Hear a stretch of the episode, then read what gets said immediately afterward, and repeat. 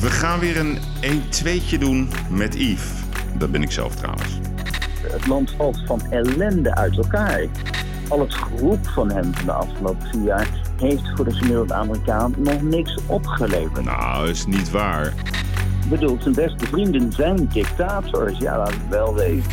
Wat denk jij? Wat, eh, toch even een, een harde voorspelling van jouw kant? Welkom bij een eh 1-2'tje met Yves. In de podcastserie Uitblinkers. Dat zijn eh, mannen en vrouwen die het verschil maken. Ja, deze week eh, was het niet zo moeilijk kiezen. Ehm, de Amerika-kenner bij uitstek, Max Westerman. Die ga ik zo meteen bellen. Hij is dus ook eh, mijn uitblinker van deze week.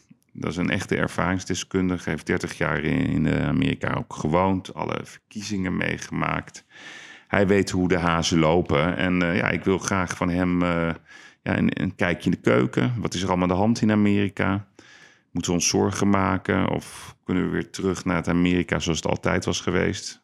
Ik denk dat ik wel weet wie zijn voorkeur heeft. Maar ik wil ook graag zijn mening, hoe hij kijkt naar het Amerika van nu. Dus ja, vele vragen heb ik eh, aan hem. En uiteraard ook wat voor klimaat er is op dit moment in het land. Waar maakt hij zich zorgen om? Waar verheugt hij zich op? Ja, en wie gaat winnen? Eh, hoe ziet hij dat? Zijn er nog risico's? Of is het een gelopen koers? Ik ga nu bellen met eh, Max Westerman. Met Max Westerman. Ja, Max Westerman. Wat heb je een zware stem, eh, Max Westerman? Ik Goedemorgen. Ja, het is nog een beetje vroeg op de ochtend. ah, dat is het. ja, ik niet. Nou, het valt wel mee eigenlijk, hè, 11 uur. Hoe laat sta je Maar meestal ik had op mijn mond dan? nog niet geopend. Ah. Ik had alleen nog digitaal gecommuniceerd. Dus, eh, Ah, kijk aan. dus mijn stem moet even loskomen. Ja, daar ga ik mee helpen. Leuk eh, dat, je, dat je even in de gelegenheid bent. Want ben jij nu in Nederland? Ja, ik zit in Amsterdam. Zit in Amsterdam. En voelt zeg maar zo'n verkiezing voor jou, zeg maar, wat het voor mij voelt als de Champions League finale is van voetbal?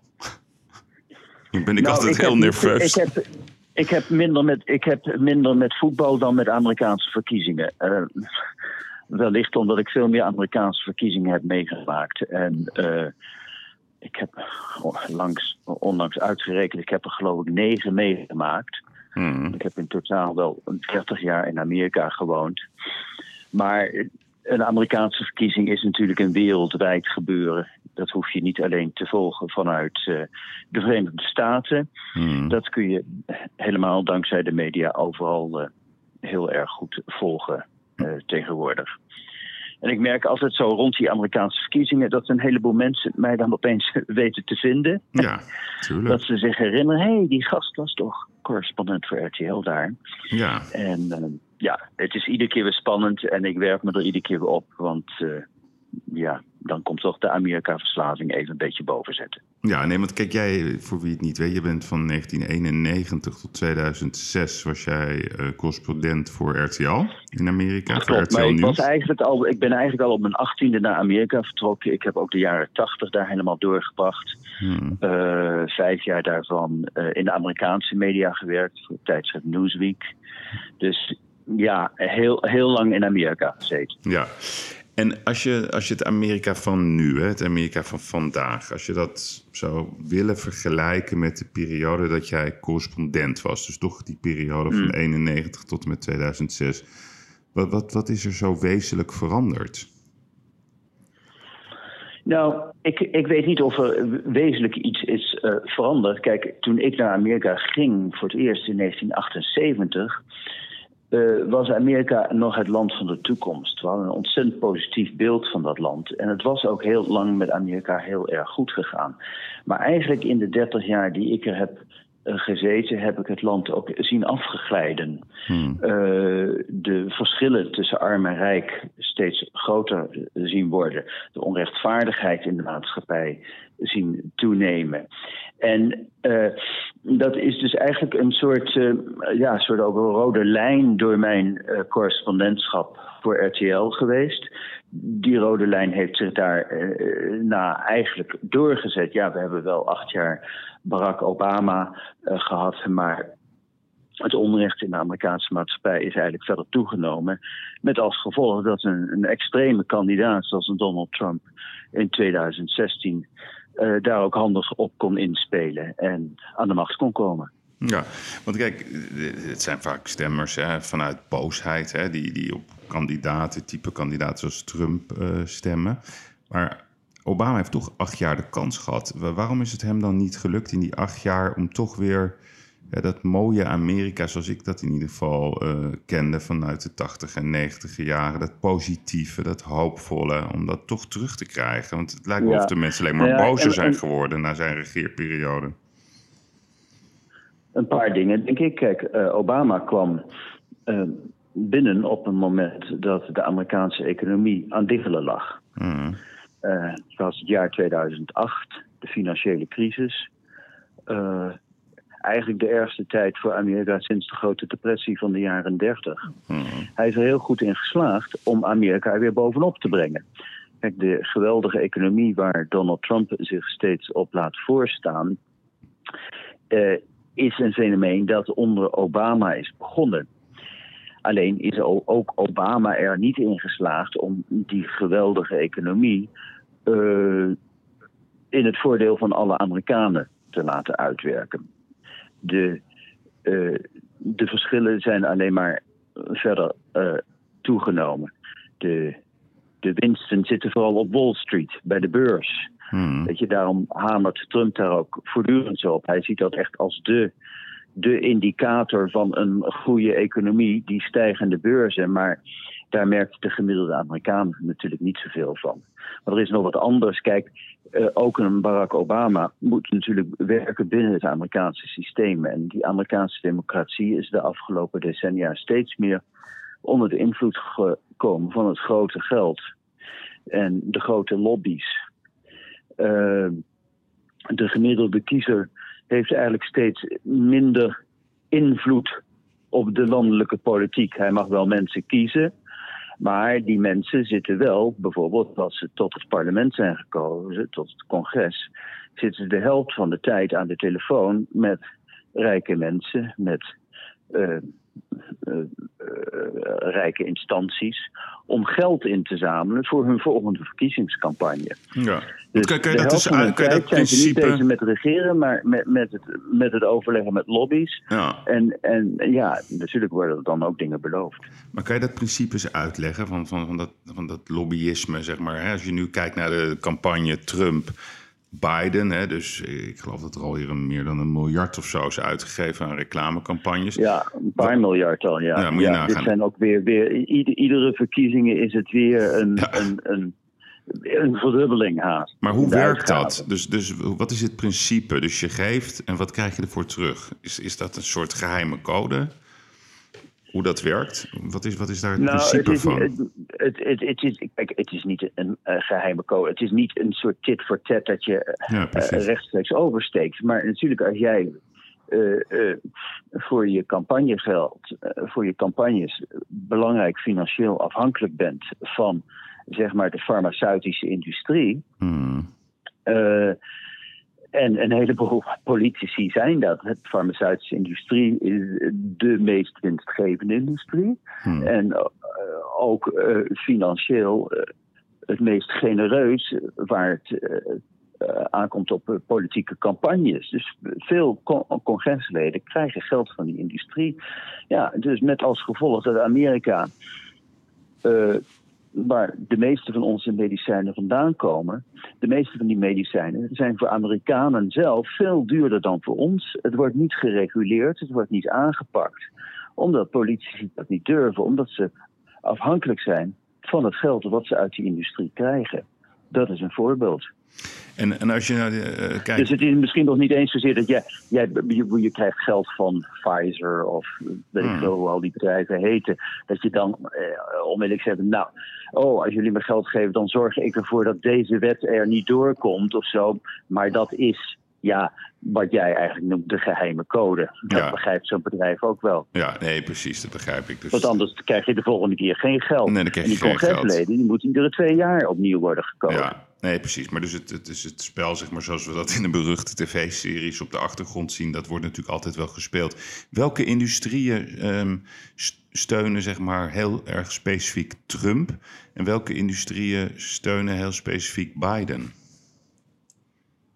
Nou, wat interessant is, kijk, de, sowieso de, de, uh, dat wisselt ook nog wel. Hmm. Maar je hebt wel een, een interessante verschuiving gezien, waar bijvoorbeeld Wall Street in het begin heel erg gunstig stond tegenover Trump. Dat hij toch ook al uh, zet hij zichzelf neer als de outsider-kandidaat, die je tegen de gevestigde orde opneemt, dat hij toch heel veel geld kreeg van Wall Street. En, uh, maar dat is de afgelopen maanden volledig over omgezwaaid. Daar komt geen penny meer vandaan voor Trump. Het gaat allemaal naar Biden. En dat is dan ook. Ja, zijn ze opeens van mening veranderd daar? Denken ze opeens dat Biden een betere kandidaat zal zijn? Nee, natuurlijk niet. Ze denken dat Biden gaat winnen. Dus ze zetten hun geld op het winnende paard. Ja, het is echt opportunistischer dan Amerika, ga je het niet vinden. het is toch niet. Maar, dus, dus, maar en, de, en, de, en de medical industry, wie, wie steunen? Is dat, is dat uh, Trump-minded of is dat Biden-minded? Ja, weet je, dat is ook. Uh, heel veel van die industrieën uh, wedden ook op beide paarden. Mm. Uh, die kijken ja. ook hoe de wind waait. En kijk, de medical industry is zo ongelooflijk goed. Uh, zo ongelooflijk groot in Amerika. Mm. Uh, die geeft aan beide partijen, maar heel strategisch. maar wat je bijvoorbeeld wel ziet, bijvoorbeeld de, de advocaten, die steunen over het algemeen vaak democratische kandidaten. Met als gevolg, kijk, een van de grote problemen in de Amerikaanse gezondheidszorg is dat er zo ongelooflijk veel via de rechtbank wordt uitgevochten. Hmm. Je bent in het ziekenhuis geweest, het is niet helemaal goed gegaan of niet helemaal volgens jouw wensen. Hup, lawsuit tegen het ziekenhuis. En je hoopt miljoenen los te krijgen bij dat ziekenhuis. Ja, daar staan allemaal van die advocaten voor klaar. Ja. om je daarbij te helpen. En ja, die kunnen op veel steun van de Democratische Partij over het algemeen rekenen, omdat zij daar zoveel geld aan bijdragen. Dus dat, met als gevolg dat dat probleem niet echt wordt aangepakt. Dat is natuurlijk een afschuwelijk probleem.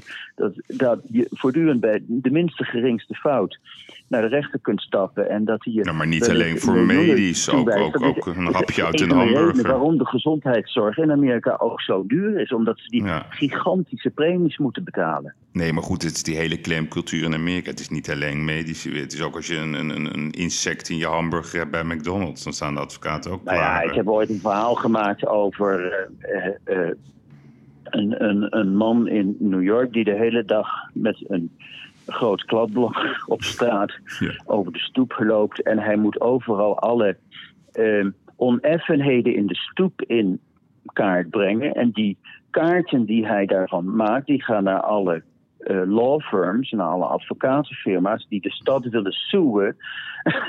uh, wanneer iemand over een stoeptegel is gestruikeld. En de stad New York betaalt jaarlijks 300 miljoen dollar uit aan uh, stoeptegelslachtoffers. Mensen die struikelen. Ja, ja. En als je dan via die kaarten kan, uit, uh, kan bewijzen dat de stad uh, te veel oneffenheden in de stoep heeft laten zitten op dat punt, ja, dan word je door de rechter in het gelijk gesteld. Mm. Hey, laten we even teruggaan naar, naar 2016. Hè? Waarom won Trump eigenlijk, volgens jou? Nou, Trump won niet. Trump werd president. Ja, oké, okay, maar goed, hij had wel de meeste kiesmannen. Nou ja, oké. Okay. Het is wel een gigantisch verschil, hè? Ja. Uh, Trump, Trump had 3 miljoen stemmen minder ja. dan zijn tegenstander. Maar dat is het systeem. Maar dat is het Kijk, systeem. Uh, iedereen zegt altijd weer, hoe hebben we dat toch kunnen missen? Dat die Amerikanen zo ontevreden waren dat ze mm -hmm. uiteindelijk deze man hebben gekozen. Nee, ze hebben het niet gekozen. Amerika is een bizar kiessysteem waardoor je ook met de 3 miljoen stemmen minder toch nog president Maar is dat de eerste het is keer? Maar drie keer in de Amerikaanse, oh, het is maar drie, drie keer in de Amerikaanse geschiedenis voorgekomen. Bij wie nog meer? Eén keer in de 19e eeuw en de tweede keer was aan het begin van deze eeuw... toen Al Gore verloor van George Bush, ook al had hij meer stemmen. Ja, ja, oké. Okay. Goed, dus Bush, dus de, de, voorganger van Trump was George Bush. Maar goed, um, ik zeg toch dat hij won. Waar verklaar je dat? Dat toch zo'n aanzienlijk deel van de Amerikanen op Trump heeft gestemd. Hoe verklaar je dat? Nou, ik denk, er zijn natuurlijk een heleboel redenen voor, maar... Nee, maar jouw persoonlijke verklaring vanuit je ja, eigen nee, natuurlijk. gevoel. Er, er was de reactie op het feit dat Amerika acht jaar lang een gekleurde president had gehad. Dat zat toch ook een heleboel blanke conservatieve kiezers niet uh, lekker. Uh, er is natuurlijk toch nog altijd een heleboel onderhuids racisme ook in Amerika. Uh, dus in, in, die zin was het. Kijk, vaak een president die wordt gekozen is ook vaak een reactie op de vorige president. Hè? Uh, en dat was in dit geval ook zo. Ik bedoel, hier. Uh, Donald Trump wist ook heel goed in te spelen op de onderhuidse racistische gevoelens bij het blanke electoraat. Ehm, door bijvoorbeeld, hij was degene die achter de hele campagne zat waar mee uh, de, uh, het staatsburgerschap van Barack Obama in twijfel werd getrokken. Mm. Misschien kan je dat nog ja, herinneren. Er ging al die bizarre conspiracy theories ja. dat Barack Obama helemaal niet in Amerika was geboren. Nee, hij heeft zelfs verteld dat Obama IS heeft bedacht. Ja, dat heeft hij zelfs gezegd. Ja, zeker. zeker. Racisme spe, spe, speelde een rol. Maar daarnaast, kijk, ik ben.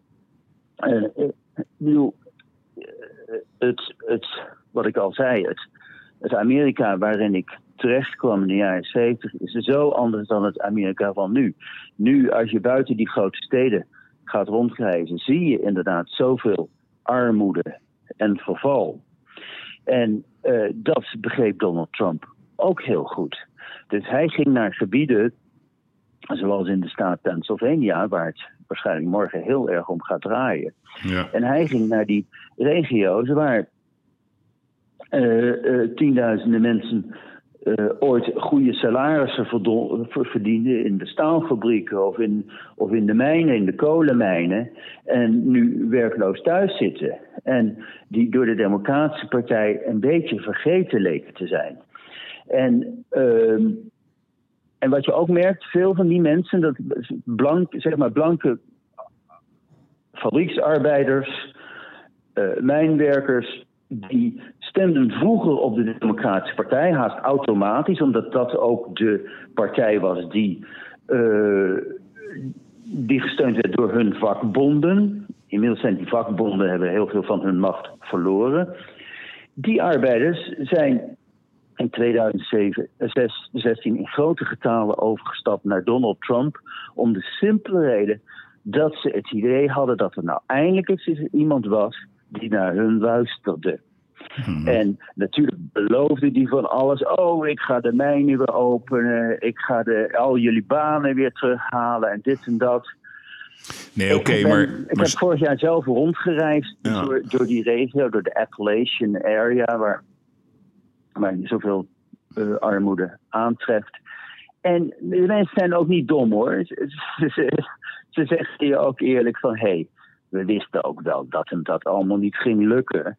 Uh, maar we vonden het in ieder geval al eens leuk dat iemand ons met een zeker respect Trouwens, mag je even wat zeggen? en onze problemen serieus nam. De, de lijn kraakt af en toe. Beweeg je of, of zit je op een vaste punt? Af en toe kraakt die. Hoor jij dat ook, Leonie? Oh, oké, okay, sorry. Je hoort ook bij een podcast. Ik zal, mij nog, ik zal nog. ja, nog rustiger. Ja, nee, maar kijk, wat, wat, wat ik wel fascinerend vind. Kijk, Amerika is natuurlijk niet Hollywood en alleen maar de West Coast en New York, waar zeg maar, het leven heel rijk is, waar heel veel geld wordt verdiend, waar democraten toch wel veel, veel ja, veel beter leven hebben als de Amerikanen, zeg maar, in, in het hele middengedeelte van Amerika. Dus wat, wat, ik, wat mij fascineert is dat de Democraten hè, zo roepen dat uh, Trump is, is, is, is verderf, is bedrog, is leugens.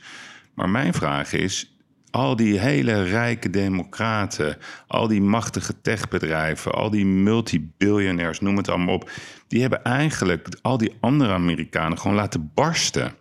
Dus ik vind zelf, als je, als je door Amerika reist en je ziet hoe, hoe slecht het er eigenlijk aan toe is, dan denk ik, ja, dat zijn de vergeten Amerikanen. Die, ook, die zijn ook vergeten door de Clintons, die zijn ook vergeten door Obama.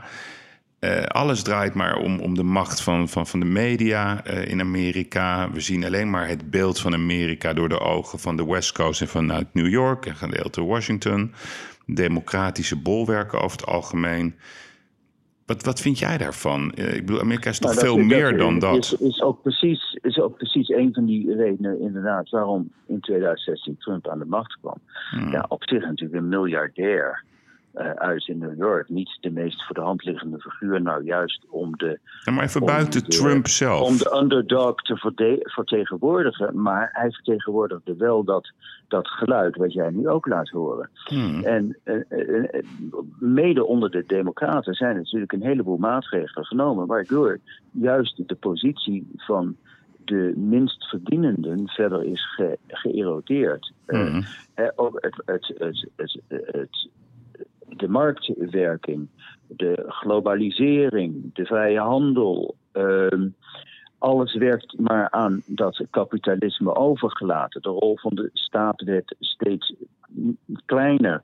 Dat is ook gewoon onder de Democraten, ook onder Bill Clinton, eh, verder doorgegaan. En dat hebben veel mensen inderdaad, die partij, eh, die partij kwalijk genomen. Zij hadden niet meer het idee dat Washington voor hun opkwam. Hmm. En, en terecht, wat Ja. ik je al zei. Ja, ik bedoel, al die, die politici van beide partijen. die natuurlijk zozeer huilen met de lobby's van wie ze financieel afhankelijk zijn voor hun campagnes. Ik bedoel, als je gewoon ook kijkt naar de beleidsmaatregelen in Washington. Het zijn zelden de beleidsmaatregelen die, eh, als je er op opiniepeilingen op loslaat, door het gro- overgrote deel van de bevolking worden gesteund. Nee, het zijn de wetten die komen van de lobby's. Hmm. Nee, maar ook als je gewoon kijkt. Ik bedoel, ik kijk er gewoon als Maar outsider. ik bedoel, kijk bijvoorbeeld, kijk bijvoorbeeld naar wat Donald Trump, Donald Trump de afgelopen vier jaar heeft gedaan. Hij heeft de belastingen fel verlaagd. Mhm. Dat is, wordt al 30 jaar lang gedaan. Waardoor, is, waardoor gewoon te weinig geld meer is voor belangrijke publieke functies. Ja. Voor goed onderwijs. Voor een, een, een mooie infrastructuur. Het land van, ha- valt van ellende uit elkaar. Ik bedoel, ik ben een paar jaar geleden in China geweest. Je zoeft van de ene naar de andere stand in high-speed Nee, trains. maar, maar kijk, ja, maar wacht even. ja, maar Max. in Amerika. Maar, die, maar als ik het heel even mag, maar die belastingverlaging die hij doorvoerde, ging vooral weer ten voordele van die top 1%. Daar heeft de overgrote deel van de Amerikanen helemaal niks aan gehad. Nou, hij heeft de, de belastingen die hij heeft doorgevoerd waren vooral gericht zeg maar, eh, op, het, op de, zeg maar, de midden, grote middeninkomens eh, en ook de onderinkomens. Alleen, je kan je afvragen waarom zeg maar, het hele rijke gedeelte van Amerika niet wordt aangepakt. Hè? Dus ik, ik moet altijd zo lachen om Warren Buffett. Die roept dat hij vindt dat ja, hele extreem rijke Amerikanen meer belasting moeten betalen. Dan denk ik altijd, ja, waarom, doe je dat, waarom doe je dat niet gewoon? Ja, nee, maar dan denk ik, ja, waarom Ja, doe je... waarom doe je, niet? je gaat niet naar de belasting, maar Waarom maar niet? niet meer betalen. Nee, hoezo ik niet? Bedoel, zo, zo, zo, Nee, maar even serieus, waarom niet? Nee, maar je kan ook jezelf de vraag stellen, ja, hoeveel moet ik hebben? Ik bedoel, als je kijkt naar het vermogen van Jeff Bezos, ja, het is natuurlijk niet reëel meer. Kijk, ik wil toch iets over dat China zeggen. Ik ben zelf heel nauw, eh, toen in het begin, eh, ging ik heel vaak naar China en ik zag die ontwikkeling daar. Alleen, het is zo'n ontzettende oneerlijke vergelijking, want China is gewoon een communistische partij. Als daar iets wordt besloten, dan is het gewoon een beslissing. Als je ziet hoe daar steden uit de grond worden gestampt onder de niet meest vriendelijke menselijke omstandigheden. Dat lukt niet in de, in de westerse democratische wereld, inclusief Amerika, met alle bestemmingsplannen en al het ja, verzet. Een soort, Ja, maar- Het lukt toch ons ook om fatsoenlijke treinen te hebben, om goed openbaar Nee, vervoer maar te hebben. is het om- niet zo, om Max? betaalbare gezondheidszorg te hebben voor iedereen. Jawel. Daar hoef je geen China voor te zijn. Nee, nee, Daar maar- moet je een Europese sociaaldemocratie voor zijn. Maar is het niet zo, en dat is ehm, wat mij wel in ieder geval aanspreekt in Trump, dat, ehm, dat hij doorheeft dat de wereld is zo veranderd. Hè? De machtsblokken zijn verschoven naar China. Eh, maar ook naar het Midden-Oosten. Ik bedoel, onderschat niet de enorme rijkdom vanuit Saudi-Arabië, de, fondsen die daarachter zitten, de fondsen vanuit Qatar. Dat zijn allemaal, eh, maar ook Rusland is gewoon een holding. Poetin is de baas.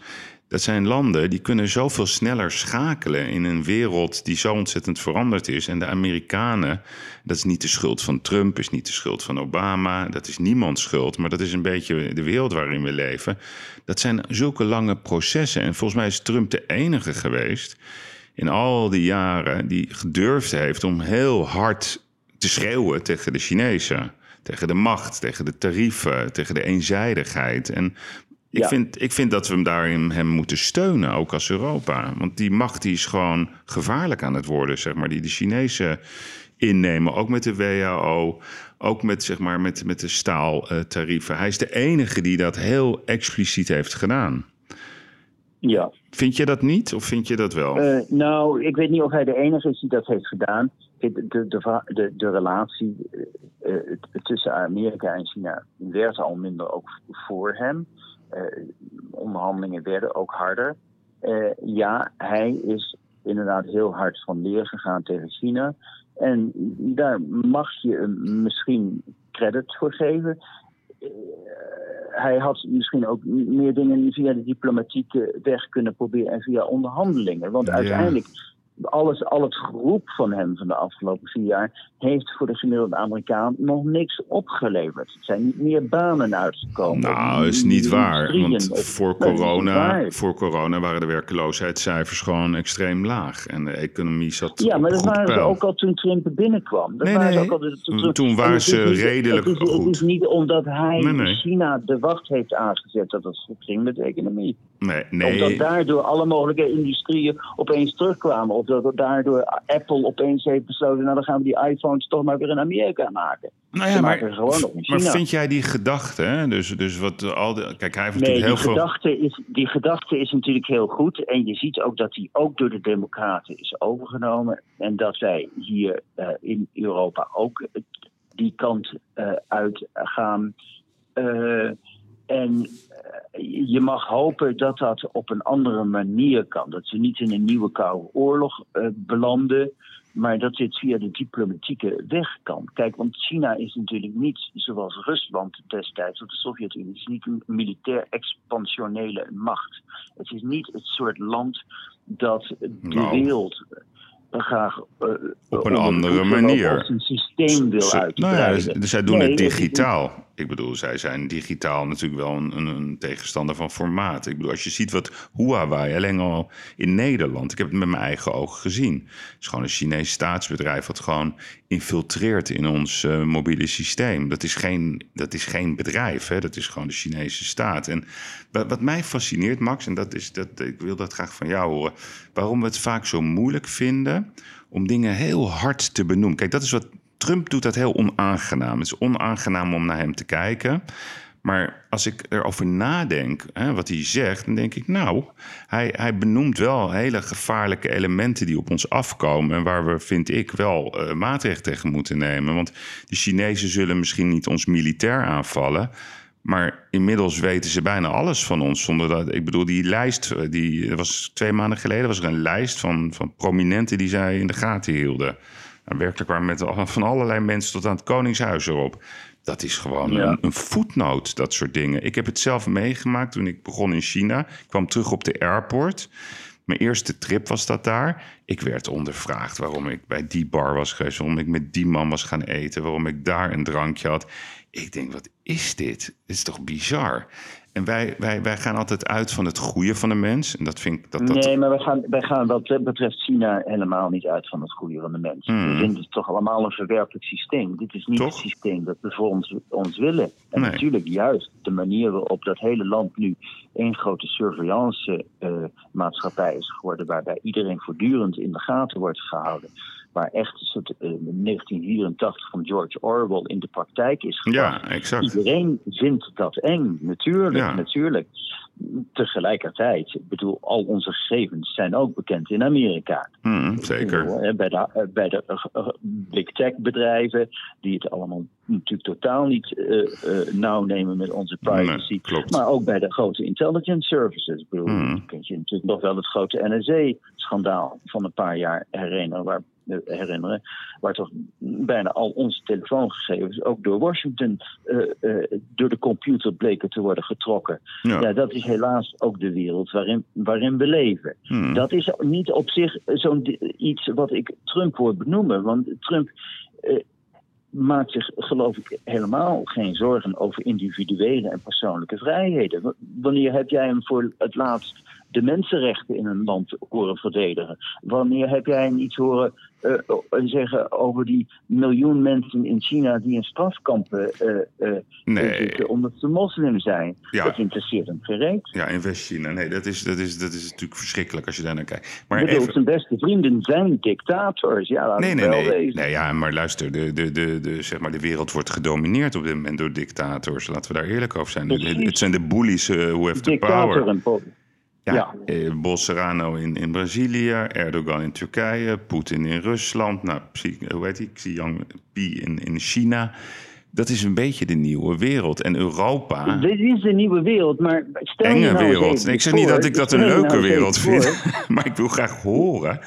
Ja, hoe, nou, hoe kunnen we daar. Um... Nou, hoe kunnen we daar? Laat, laat wat dat betreft. Ik bedoel, als jij niet houdt van een wereld vol populistische. Uh, volksmenners.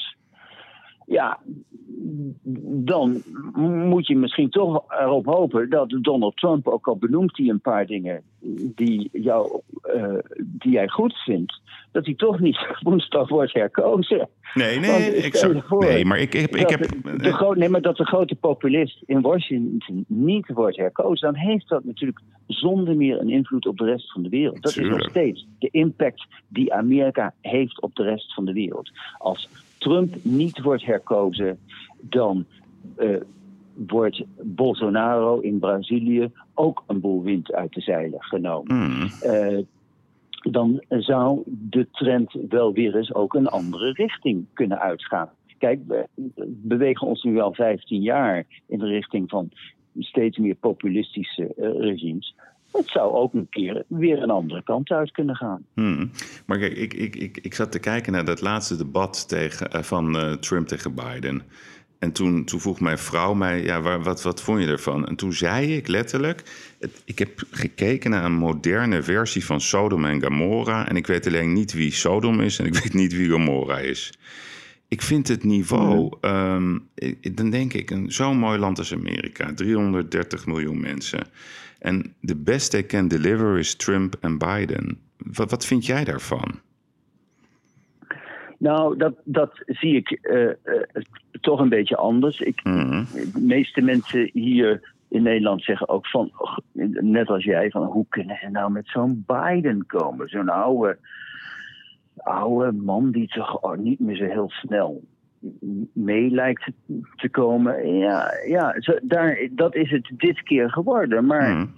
ik bedoel, onze premiers zijn ook niet altijd de meest charismatische types. Er zit ook wel eens een saaie donder tussen. Nou, saai is niet erg. En, saai vind ik niet erg. En, en, het is niet alsof dit is, dat dit nu is wat Amerika is geworden. Want Joe Biden kwam uit voorverkiezingen, waarin hij opnam tegen tien andere kandidaten. De meeste uiteraard een stuk jonger dan hij, maar Bernie Sanders ongeveer van zijn eigen leeftijd. Het was een beetje van alles wat. En er zaten uitstekende kandidaten bij. Hmm. Uh, ja, Joe Biden kwam daar uitrollen.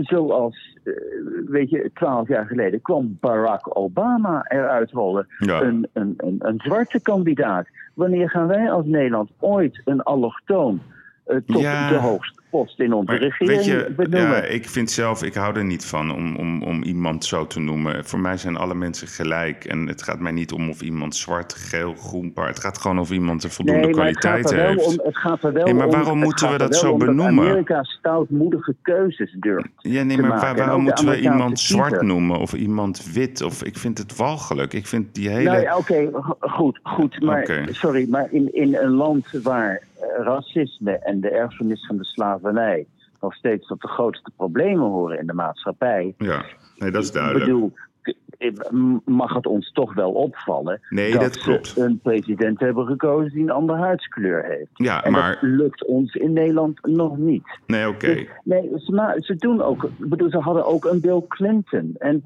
eh, eh, dus het is niet alsof Amerika alleen nog maar met oude mannetjes eh, voor de dag komt. Dit keer toevallig. Ja, nou, ik maak even een brugje. Ik, ik heb gekeken naar, de documentaire die jij gemaakt hebt? My Friend the Mayor. Ehm, even voor wie het niet gezien heeft. Jij gaat mee met een goede vriend van jou. Die is bezig met campagne voeren op lokaal niveau. Met een, een hele leuke strijd met een jonge jongen die de Republikeinen vertegenwoordigt. Hij is een, een echte democraat. En, en het is echt fascinerend. Ik vond het echt, echt mooi om te zien hoe op lokaal niveau, zeg maar, de werving van die stemmen gaat. En de kern van wat ik zo mooi vond aan de documentaire was het wederzijdse respect. Hè? Geen bullying, gewoon eh, met elkaar praten. En wie wint, die wint. Maar we zijn hier uiteindelijk voor onze stad. En één moment viel mij op. Ehm, uiteindelijk won de democratische kandidaat. En dat was die hele aardige lange man, ehm, ja, een beetje kalig, eh, die zich nergens meer druk om maakt. Hij heeft het hele leven al gezien. En hij was heel duidelijk voor de democratische kandidaat in het dorpje. Ik ben even de naam vergeten, Milford, toch? Milford, Pennsylvania. Ja, Milford, Pennsylvania. Maar op landelijk niveau stemt hij voor Trump. Dus lokaal zegt hij, nee, ik wil echt voor deze man, want local is my home. Maar op, op landelijk niveau kiest deze hele leuke man toch voor Trump. En, en dat, is, dat, dat is dat fascinerende. Dat, aan de ene kant zien mensen echt wel dat, dat, dat hoe, wij, hoe wij willen leven met elkaar in vrede en met respect en niet met dat bullying, dat we dat het fijnste vinden. En aan de andere kant zijn de mensen zo ontzettend klaar met het establishment. Dat is toch de reden waarom, waarom dit soort types als Trump aan de macht komen. Dat die hele. Dat, dat, dat, dat maar niet wordt doorgeknipt. Die verschrikkelijke establishmentstructuren, ook in Europa. Dat is toch de kern van het hele probleem? Ja, ik, ik weet niet of dat de kern van het. eh, eh, In, in Amerika is dat eh, zeker een, een gigantisch probleem. Ik, ik weet niet of we hier in Nederland dezelfde problemen hebben. Ik zie dat die populistische stem in Nederland. die bedraagt ongeveer 20% van de bevolking. En eh, hier is het vertrouwen in de overheid en in onze elites toch een, stuk groter dan, dan in Amerika. Maar wat het leuke is, is dat je in Amerika ziet hoe mensen inderdaad nog over hun ideologische scheidslijnen heel, heel makkelijk kunnen eh, heen stappen. Terwijl het natuurlijk een soort. Eh, op nationaal niveau is de, de, de verdeeldheid algeheel. Mensen zien elkaar echt als de vijand. Ze, willen, ze, ze wensen elkaar dood. En dan toch op lokaal niveau in zo'n dorp kan een overtuigde Trump-stemmer eh, besluiten: hé, hey, eigenlijk vind ik die democraat, die democratische jongen die homo is en ook nog openlijk HIV-positief, ja, dat vind ik eigenlijk gewoon de beste man Ja. om ons plaatsje te leiden. Dus die, die, die, die man waar jij het over had, die is ook de campagneleider zelfs geweest eh, voor, voor eh, Sean. Heeft zijn hele campagne geleid. Hmm. Eh, en je ziet ook als zij discussiëren over Trump.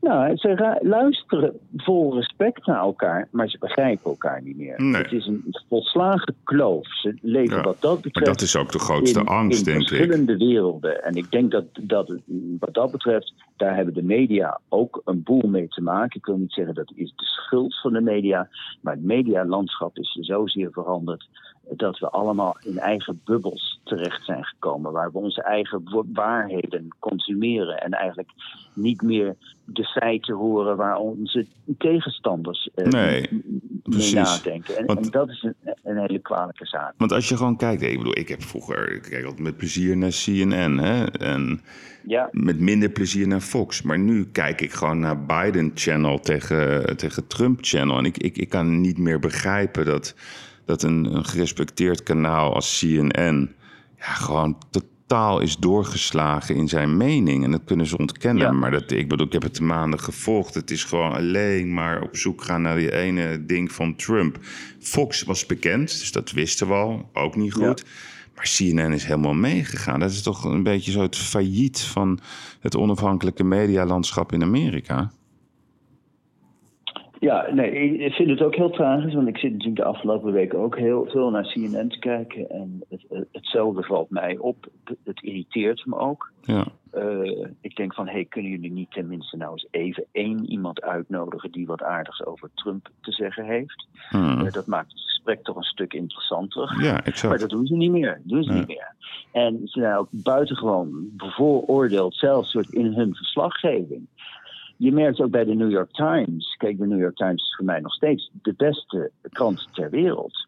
Uh, maar als het over Trump gaat, ja, alles wat hij zegt wordt altijd voorafgegaan met een zinnetje als he baselessly claimed or his, his, uh, what he said was unfounded of alles wat niet waar is van Trump.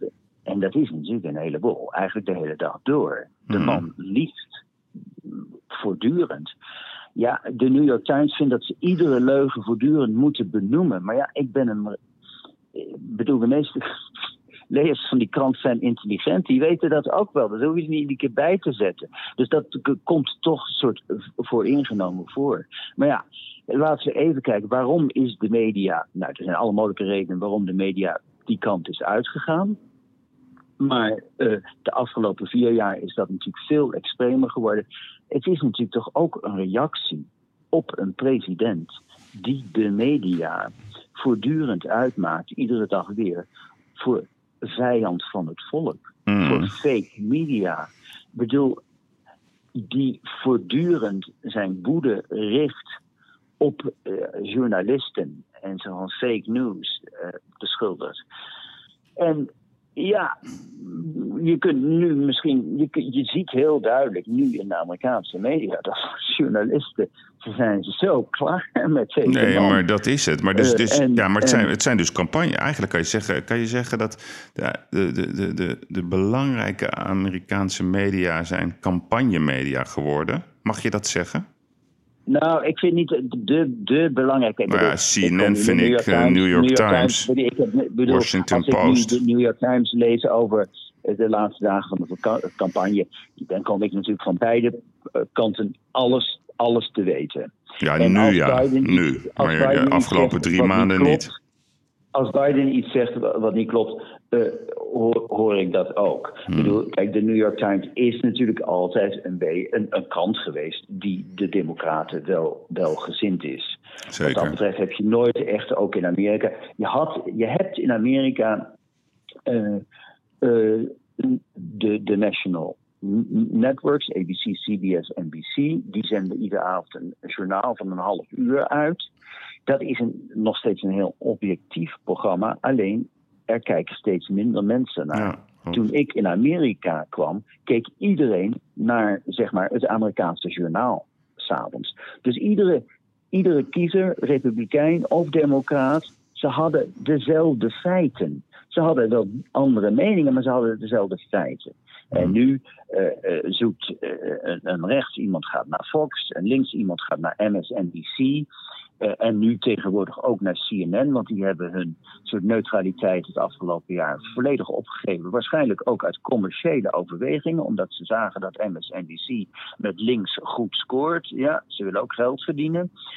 En uh, dus iedereen zit in zijn eigen bubbel. Dan gaan we ook nog op internet alleen naar de dingen die we leuk vinden. En de social media sturen ons alleen ook nog wat we wat onze meningen bevestigt. Ja, ja, het is ja, dat is, ja, ja, dat is een, dat, exact. Dat, dat, kan je toch wel zeggen dat het een afschuwelijke ontwikkeling is. Ook als je ook kijkt naar die documentaire op Netflix. over, over, over al die social media bedrijven. Het is, ik kan er niet meer naar kijken. Ik word er echt al uh, eigenlijk uh, woedend over. De media is gewoon. En, in, Amerika is is het nog Nee, maar ik heb het over Amerika. ik bedoel, Amerika is leidend hierin. de deeltijd in dat land enorm vergroot, ja. En terecht.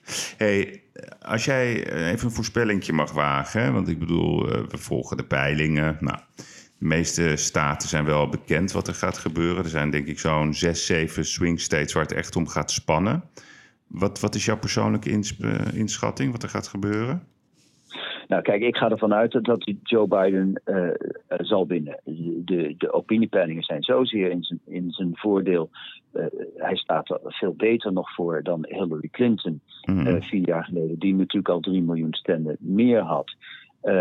ik ik maak me heel erg sterk dat er weer zoiets krankzinnigs gebeurt. Dat terwijl Biden vele miljoenen stemmen meer heeft, dat uh, uh, Trump net in de juiste staten weet te winnen, waardoor hij toch president blijft. Dat denk ik niet. Als je ook kijkt naar de kansberekeningen, hmm. bijvoorbeeld, uh, er is een onderzoeksbureau 538, heel prominent. Die halen alle opiniepeilingen in Amerika halen ze door de computer. Hmm. Daar laten ze 40.000 verschillende scenario's op los. En dan zie je dat in 88% van die 40.000 scenario's wint Biden en Trump maar in 12% van de scenario's. Nou, dat is nog altijd 12% kans. Dus hmm. het is niet zeker dat Biden gaat winnen.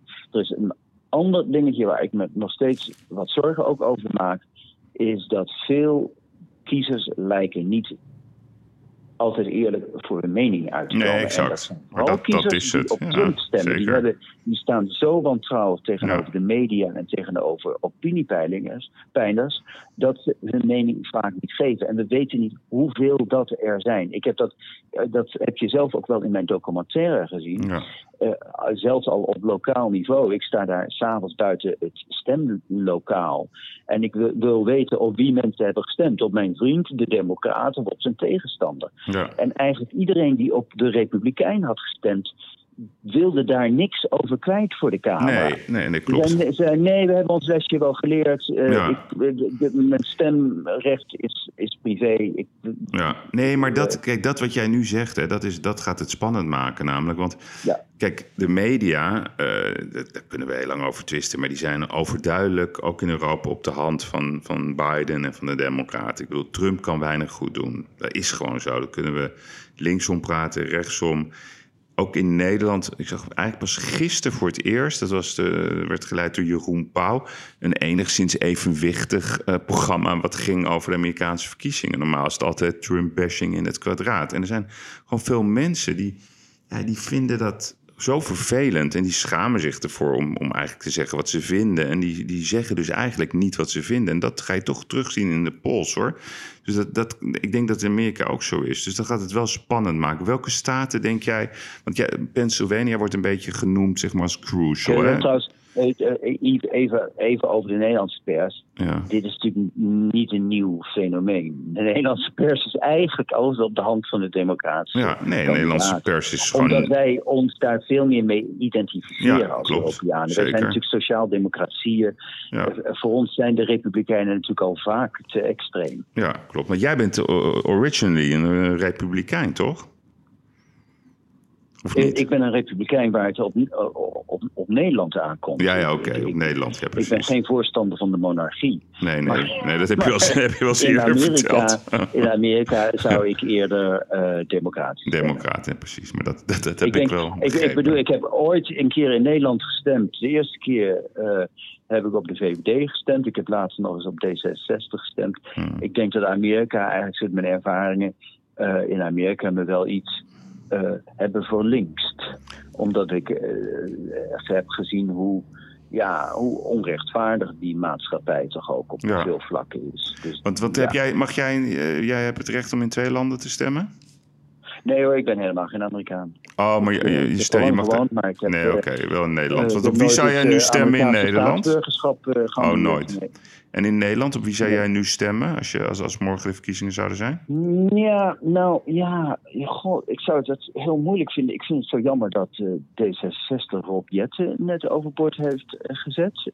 Wat betreft de voorman, dat vond ik een buitengewoon uh, sympathiek en, en toegankelijke politicus. Hm. Sigrid Kaag heb ik nog niet zo, die heb ik nog niet zo goed door. Uh, en uh, ja, wat dat betreft ben ik misschien wel door Amerika, Amerika, ook meer een beetje in termen van personen gaan kijken. Ja, ja. dat doen we natuurlijk ook allemaal tot op ja, zekere hoogte.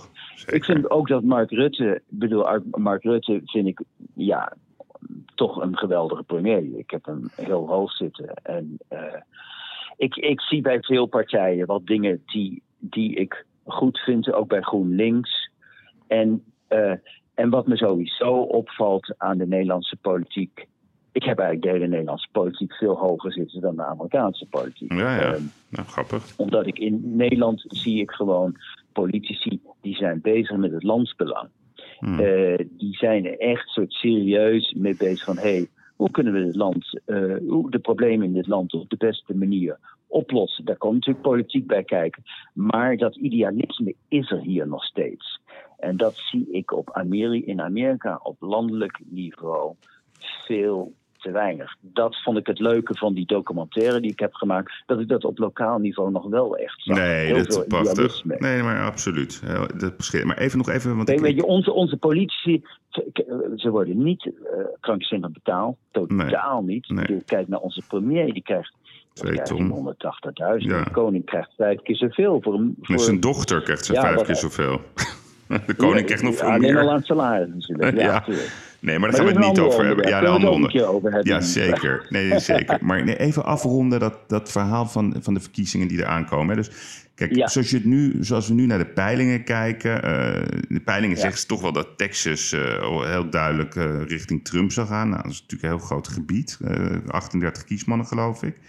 Nee, maar Texas is sowieso een rode staat. Ja, is een rode staat. Uh, dat is niet echt een swing state. is niet een swing state. Wat bijzonder, omdat... Nou, hij werd wel als swing state genoemd. daar toch dichtbij in de buurt komt. Het gaat zich afspelen Ohio, in een paar staten. Georgia, Iowa.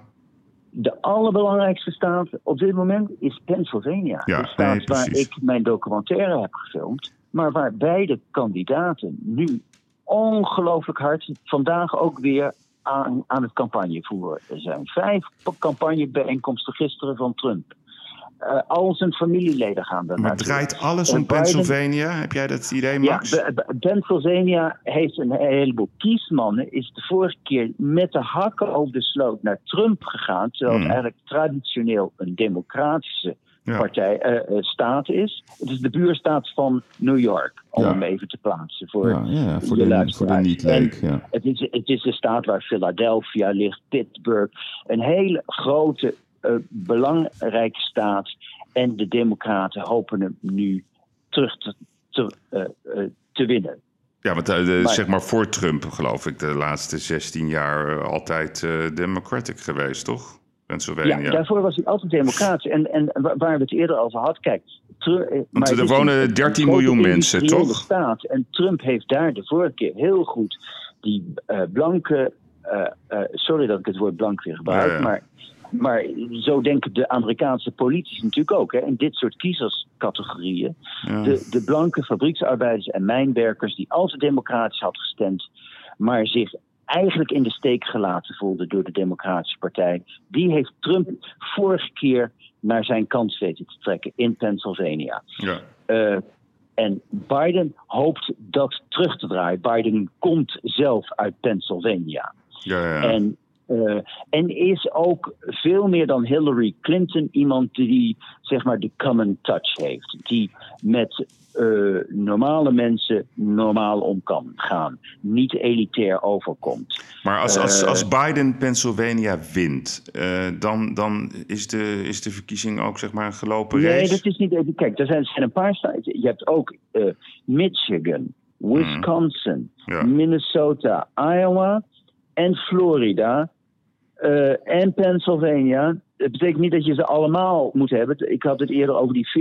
40.000 scenario's. er zijn 50 staten. Hmm. En je, je, je moet genoeg staten je kamp binnen weten te slepen om 271 kiesmannen in totaal te kunnen exact, winnen. Ja. En, en er zijn een heleboel verschillende routes mogelijk om dat te doen. Hmm. Maar dit jaar is voor eigenlijk voor beide partijen is in al die berekeningen speelt Pennsylvania een absoluut sleutelrol. Hmm. En Florida ook weer. Florida heeft nog meer kiesmannen. Florida is de staat waar het in 2000, in het jaar 2000, zo falikant is misgegaan. Ja. Hè, waar uh, uiteindelijk de verkiezingen werden beslist, omdat uh, de stemmen daar herteld werden. Ja, ja, die verkiezingen gingen toen een maand door na, na, de, na de kiesdag. Dat zou nu ook weer kunnen gebeuren, omdat alle stemmen in Florida moesten worden herteld. En op basis van de hertelling in Florida werd eh, George Bush toen door het Hoge Rechtshof aangewezen als de president. Ook al had hij minder stemmen ja, nee, in totaal precies. dan En verwacht jij nog dat er een geheim konijn uit de grote hoed, hoed komt de komende 24 uur? Daar is het nu echt te laat voor. Kijk, ten eerste hebben al 93 miljoen mensen, Amerikanen, hebben al gestemd. Ook door corona zijn uh, hebben ongelooflijk veel Amerikanen dit jaar per post gestemd. Bovendien zijn alle stemlokalen in de meeste staten al een week open. Dus de meeste mensen hebben al gestemd. Hmm. Uh, dus wat dat betreft, nee. Ik denk niet dat je nou nog opeens de laatste dag iets kan verzinnen waardoor ze anders gaan stemmen. Want hoeveel, hoeveel Amerikanen zijn kiesgerechtigd? Nou, kijk, kies, uh, mogen stemmen van de 330 miljoen Amerikanen? Men verwacht, kijk, er wonen 340 miljoen mensen uh, in het land. Men verwacht dat er dit jaar uh, wel 150 miljoen mensen gaan stemmen. Dat het een enorme opkomst is voor hmm. Amerikaanse begrippen, waar vaak maar de helft van de mensen komt opdagen. Maar dit jaar zijn beide partijen ongelooflijk gemotiveerd. Dus. Uh, maar ja, in Amerika, het, het draait ook allemaal om opkomst. Je kiezers naar het stemlokaal weten te trekken. Want een heleboel mensen ja, die hebben op het laatste moment besluiten dat ze toch iets belangrijkers te doen hebben. Hmm. En, uh, en stemmen in Amerika is ook niet makkelijk. Je staat soms uren in de rij. Uh, je, je, hebt je eerst ook al moeten registreren als kiezer. Ja. Uh, het, het, is dus maar, maar die, die kiezers naar het stemlokaal trekken. Vrienden van mij uit New York, die zijn nu in Pennsylvania, de buurstaat, bezig om op deuren te kloppen. Om mensen te vragen. Ja, net, net zoals in Milford, eigenlijk net zoals dat ging in jouw documentaire. In Milford wordt op, op, de deur geklopt. Heeft u al gestemd? Ja, en gebeld. Mooi hoor. Iedereen krijgt telefoontjes, tekstmessages, ja, ja. Uh, dingen nog op het laatste moment door de bus. Ja. En en eh, bedoel, daaraan zie je ook hoe belangrijk Pennsylvania is. Je kunt de televisie niet aanzetten. Hmm. Je wordt overspoeld door reclamespotjes van beide kandidaten. Joe Biden heeft 14 spotjes alleen al voor de staat Biden, die die in verschillende mediamarkten afdraait om speciale, uh, om speciale kiezersgroepen binnen te trekken. Het is natuurlijk ook gewoon marketing, hè? Politiek in Amerika is een marketingcampagne. Zeker. Ik hoorde van een vrouw die zei: God, ik kan zelfs ochtends mijn yoga-klasje op mijn app niet meer openen zonder Joe Biden ja, te zien langskomen. Dus ja, nee, maar goed, dat is natuurlijk dat is, het is ook één grote marketingmachine. Nou, we, zullen, we gaan het zien. Woensdag weten we nog niet alles waarschijnlijk, maar waarschijnlijk weten we een heleboel. Wat, wat, wat denk jij? Wat, uh, toch even een, een harde voorspelling van jouw kant? Nou, ik, ja, ik denk dat Joe Biden wordt herkozen, maar ik hou graag een slag om de arm. Want ik heb herkozen? Ik, dacht vier jaar geleden ook dat uh, ja, Clinton zou worden gekozen. Ja, ja. Niet herkozen, toch gekozen. Maar ze is president geworden. Het is een, een vreemd systeem in Amerika. Ik denk wel dat, kijk, als de marges krap zijn, in met name die belangrijke staten, dat Trump alles uit de kast gaat trekken om juridisch de zaak aan te vechten. Hmm. Dus ja, die kijk, suggestie als wordt gedaan. de meerderheid is voor, voor Joe Biden, dan denk ik dat we woensdag weten dat hij de president is. Als de marges in staten als Pennsylvania, Florida heel krap zijn, dan gaat Trump daar een leger advocaten naartoe sturen. Hmm. Uh, hij zei ook gisteren: as soon as the elections are over, we go in with the lawyers. Hmm. Dan gaat hij gewoon dan gaat hij stemmen aanvechten. En uh, dat, dat kan dan nog een maand doorgaan. Ja, ja, precies. Maar goed, ik denk wel, dat zei ook de Nederlandse ambassadeur, eh, ambassadeur Piet Hoekstra. Als Trump verliest, ja, dan neemt hij gewoon zijn nederlaag. Punt. Dat denk ik ook. Ja, degene die wint, die heeft gewonnen. Nee, als hij overtuigend, overtuigend verliest. Als hij overtuigend nee, maar goed. en als hij denkt, hier kan ik hier kan ik ook met advocaten. Nee, maar, je, en, maar Max, de Democraten hebben dat ook vier jaar geleden gedaan. Hè? Ik bedoel, die hebben ook Florida aangevochten, dus dat mag toch? Nee hoor, helemaal niet. Nou, niet? Nee, nee, nee, nee. Vier jaar geleden. Nee, nee, nee hoor. Nee, nee. Vier jaar geleden was het gewoon. De, de, uh, dat, ik weet nog heel goed dat zij, zeg maar, eh, die, die telling in Florida heel erg hebben bekritiseerd. Of, of zie ik dat nou, fout? Ja, sorry. Dat, nou, dat zie ik fout dan. eh, gaan, we, gaan we even googlen. Maar ik bedoel, Florida was natuurlijk in 2000. de- dat was de, de grote strijd met, met alle advocaten. Ja, ja. Het is wel zo. Nou, misschien ben je met iets anders in de war. Kijk, in Florida gaat namelijk alles altijd mis, ook met het kiezen. Ja, ja. Kijk, dit, in, als ik nog één ding wil zeggen, in mijn documentaire gaat het natuurlijk over de lokale democratie. Dat is op een bepaald niveau is het wel heel leuk en mooi dat die mensen zich zo op lokaal niveau zelf kunnen besturen. Maar de, de keerzijde daarvan is dat ook het kiessysteem heel erg is gedecentraliseerd. Bijvoorbeeld in de staat Florida heb je 67 verschillende kiesdistricten. Die ontwerpen hun eigen stembiljetten, hebben hun eigen stemmachines, hebben allemaal hun eigen regels over hoe het moet verlopen.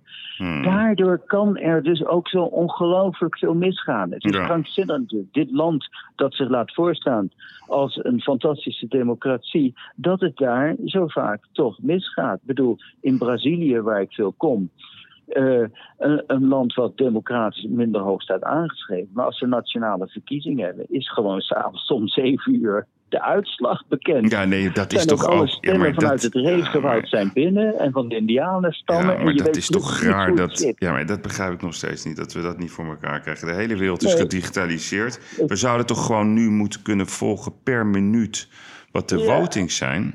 Ja, Ja, dat is verdacht. Natuurlijk zou je Ik dat moeten, maar dat is, dat dat nog steeds dat niet kan. Is het, eh, dat is dat gedecentraliseerde sta- eh, Ja, ja. systeem waarin staten en local communities Nou. heel veel te zeggen hebben. En die macht ook niet willen opgeven. Ja.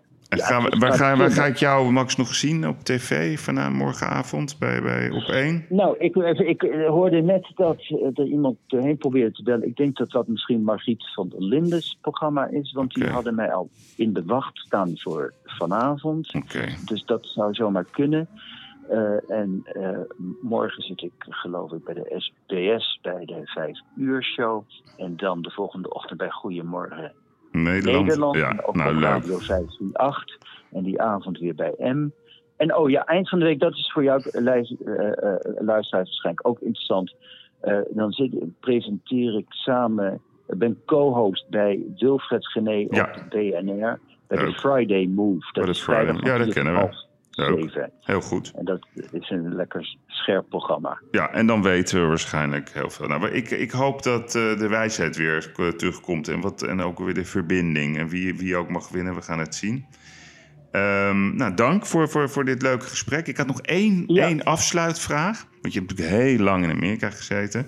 En ik was toch wel nieuwsgierig, want je hebt de, de O.J. Simpson-zaak gezien, de Monica Lewinsky. Wat was nou het mooiste schandaal wat je hebt meegemaakt tijdens jouw correspondentieperiode in Amerika? Dat vind ik wel mooi om daarmee af Nou te ja, het sluiten. mooi- mooiste van, kijk, Monica Lewinsky natuurlijk. Daar zijn we een jaar mee bezig geweest. Ja, heerlijk. Het ging natuurlijk helemaal nergens over. Maar als correspondent heb ik een jaar lang bijna, nou een paar keer per week verslag gedaan van dit. Dit Ja. schandaal. Waar ging het over? Een, een president die het had gedaan met een stagiaire. Ja, zij was onder het bureau En, gegaan. eh, ja, het was een fantastisch eh, schandaal in de zin van de, de, de details waren natuurlijk Ja. heel smeuig en saillant. Hmm. Hè, ik bedoel dat we het over hadden over DNA-bewijzen op een baljurkje van de stagiair en al dat soort dingen. Maar tegelijkertijd was het ook een heel belangrijk verhaal. Want het ging wel over de machtigste man ter wereld, die wellicht hierover zijn baan zou verliezen. Dus het ging ook echt ergens over. Het was niet zomaar een, een smeuige roddel. Nee, nee, nou goed. Alle Dus nee, presidenten dat, zijn eh, een beetje Dat ondeugend, toch? zal ik nooit vergeten. Oké, heel Eh, goed. en ik vind het ook leuk om te zien hoe eh, Monica Lewinsky, die natuurlijk ook, bedoel, voor ons was het smullen en spannend, maar god, het arme meisje, dat echt een jaar lang het middelpunt was van dit schandaal, hoe goed zij zich hiervan heeft gesteld en wat hersteld en wat een leuke vrouw het eh, nog steeds is, die zich over diverse zaken vaak in, eh, in eh, leuke speeches en voordrachten ja, he- heel goed en scherp uitlaat. Eh, en een goed gevoel voor humor eh, blijkt te hebben. Menigeen was hier natuurlijk gewoon totaal aan onderdoor gegaan. Ja. En uh, ze heeft het overleefd. She's still in shape, heel goed. Oké, okay, nou dankjewel. En uh, nou, een mooie week nou, zou ik zeggen. Leuk, Yves. Ja, dankjewel. Uh, goeie, lekkere, scherpe vragen. Dankjewel, bedankt. heel nee, goed. mij even een andere richting uit laten denken. Het is goed dat iedereen uh, met enige regelmaat even uit zijn bubbel wordt weggetrokken. Ja, ja, heel goed. En dat overkomt ons tegenwoordig te weinig. Nou, dankjewel. Oké, okay, nou, een mooie week Alright. in ieder geval. Geniet er ook een okay, beetje van. Jij hoi, ook, hoi. Hè. Bye bye. Ja, Max Westerman, de uitblinker van deze week. Uh, fijn gesprek. Uh, dank daarvoor nogmaals, Max. Volgende week ben ik er weer met een nieuwe uitblinker van de week. Heel spectaculair. Wie wordt de eerste wiet-miljardair van Nederland? Dus die ga ik bellen. En komende vrijdag dan ben ik er weer met een nieuwe podcastshow van The Gigs. Ik wens u een hele mooie week en dank voor het luisteren.